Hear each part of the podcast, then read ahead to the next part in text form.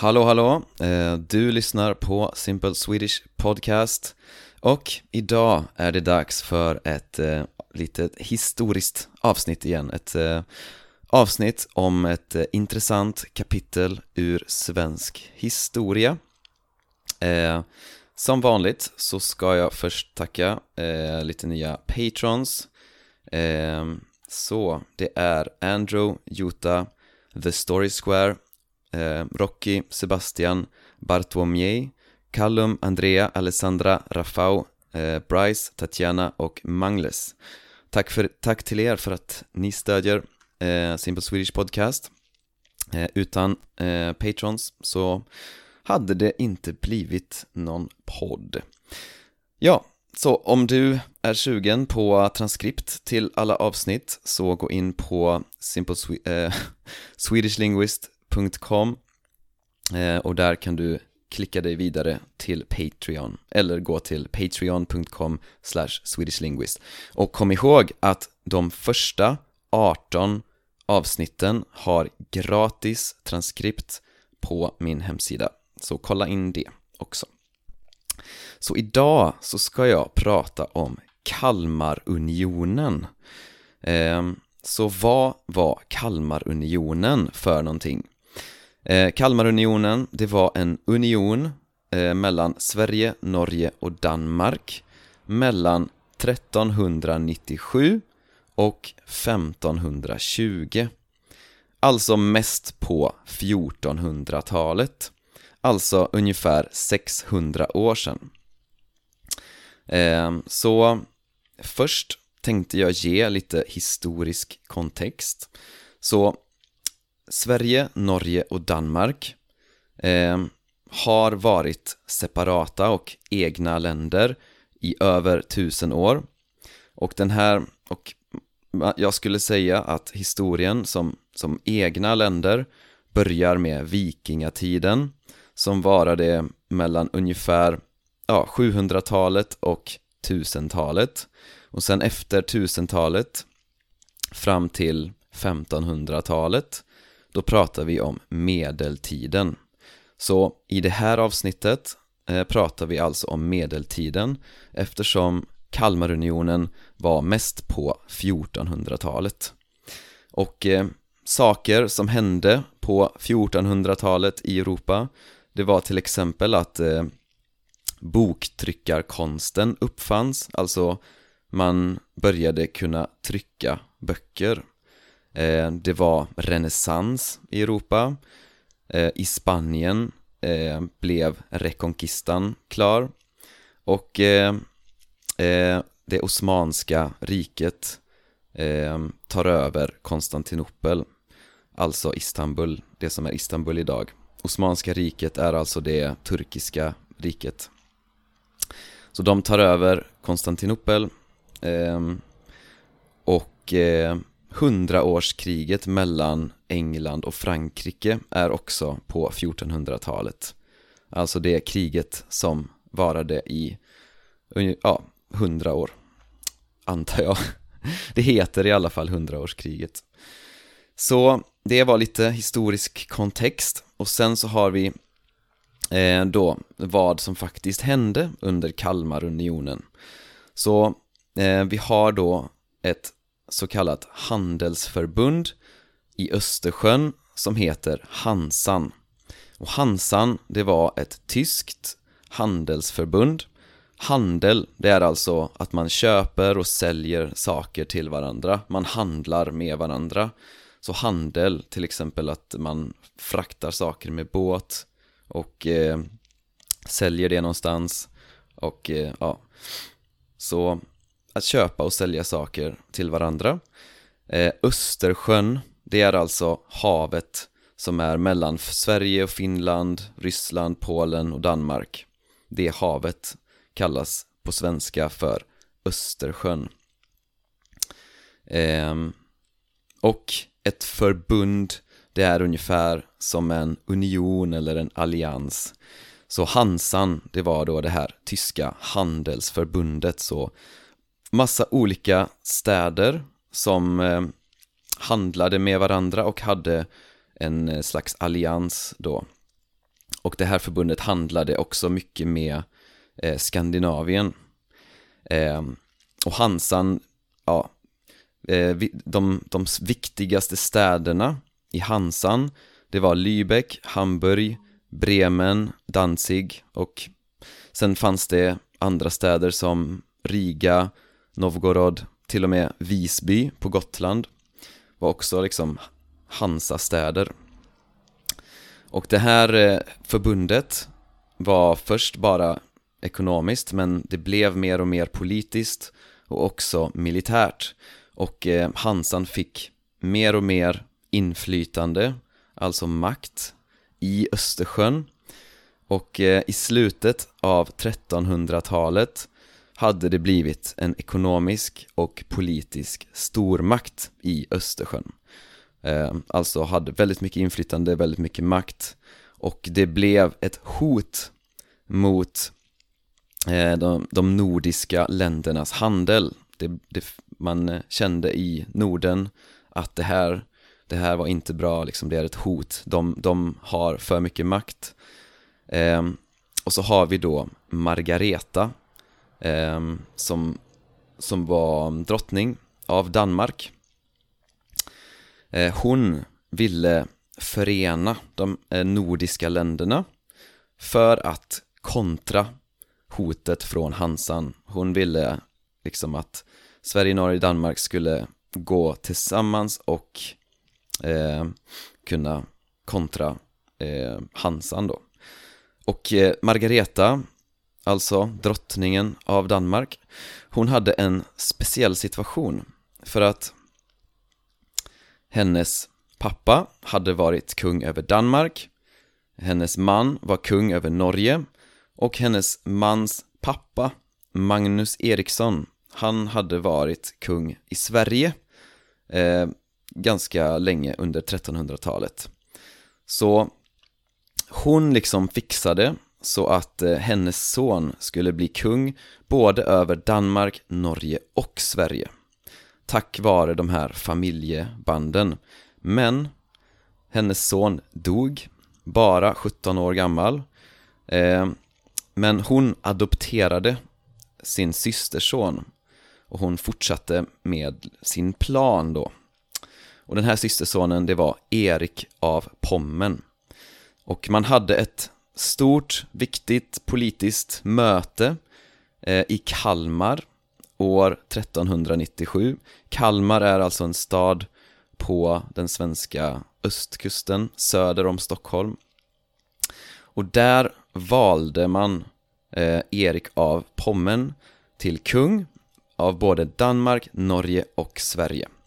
Och eh, den här eh, unionen då, den, den kallades för Kalmarunionen eftersom mötet hölls i just Kalmar.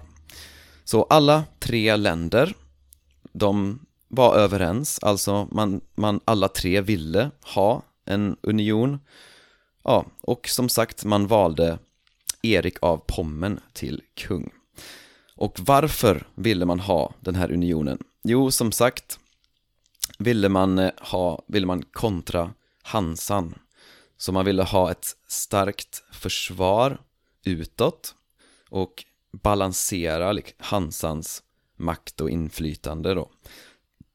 Och man ville också stabilisera förhållandena mellan Sverige, Norge och Danmark liksom, att det skulle bli, ja, förbättra och stabilisera relationen mellan länderna. Eh, men eh, resultatet blev lite mer kaotiskt än vad man hade planerat. Så det, det blev, eh, det var ganska mycket konflikter. Eh, det, det blev till och med krig.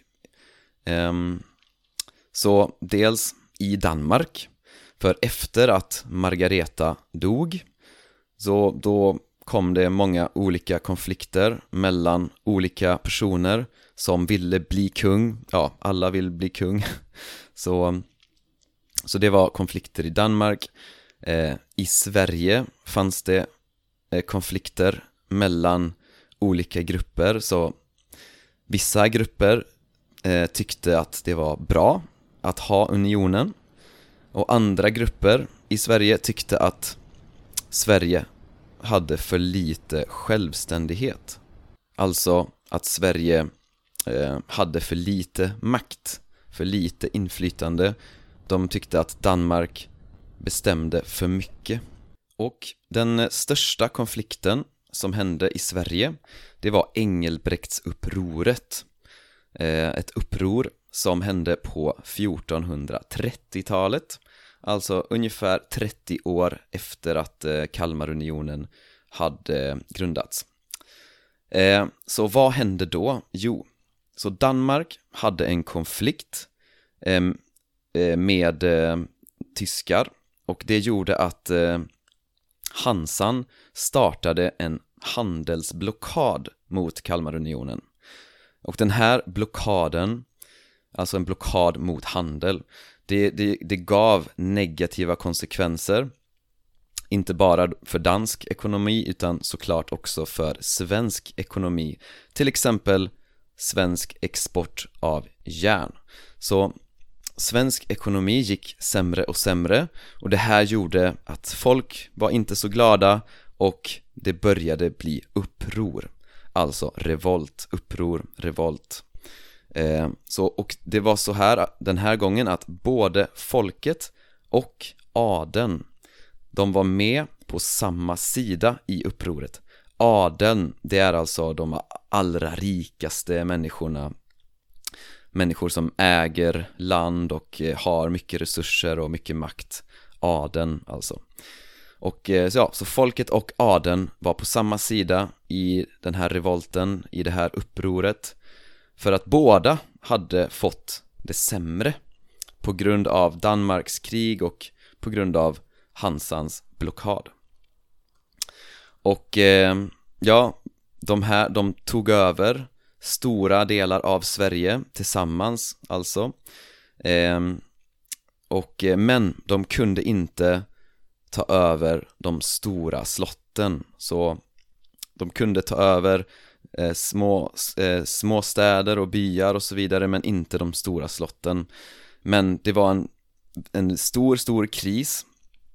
Eh, och den, den tog slut när ledaren eh, för upproret, ledaren Engelbrekt Engelbrekt Engelbrektsson heter han. Han blev mördad. Eh, Så då tog ja, upproret slut. Men det var kaos i landet. Eh, och man avsatte Erik av Pommen eh, och man valde en ny kung. Så man valde en ny kung eh, Alltså både i Sverige och i Danmark och Norge. Så alla tre länder var överens. Alla tre länder tyckte att Okej, okay, vi behöver en ny kung. Vi gillar inte Erik av Pommen. Och man valde en ny kung och ja, saker gick bättre igen. Och unionen överlevde i nästan hundra år till. Eh, för vad hände då? Ehm, eh, efter, vad blir det, 80-90 år? Då kom slutet på Kalmarunionen. Slutet på Kalmarunionen eh, det kom på 1520-talet. Och då, så på den här tiden så hade Sverige en egen regering. Man kallade det för riksråd. Eh, och Sverige bestämde själva vilka personer man ville ha i den här regeringen. Så man är fortfarande i en union, i Kalmarunionen, så man är en union med Danmark och Norge. Alla tre länder har samma kung men man har en egen regering i Sverige då så, och den här kungen som var just nu Det var Kristian den andra. Och Kristian, han var dansk. Han ville inte att Sverige skulle ha sin egna regering. Så han invaderade Sverige år 1520 och han, hans armé tog över Stockholm. Och han dödade alla som var emot honom Han dödade alla sina motståndare eh, Och den här händelsen kallas för Stockholms blodbad. Och Kristian den, Kristian den andra, han kallas ofta i svensk historia för Kristian Tyrann på grund av de här händelserna. Eh, men konsekvensen av den här invasionen och konsekvensen av Stockholms blodbad det gjorde att ett uppror startade. Och det här upproret, den här revolten, den växte sig starkare och starkare.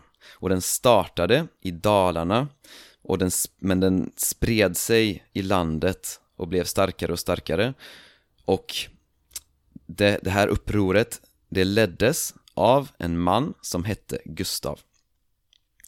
Eh, och upproret började i de lägre klasserna, men kyrkan gick med, adeln gick med, så alla samhällsklasser, de gick med i det här upproret, alltså ja, rebellernas sida kan man säga. Eh, för att, ja, det var, man, man, kan, man kan kalla det för rebeller eftersom de var emot kungen, den eh, danska kungen då.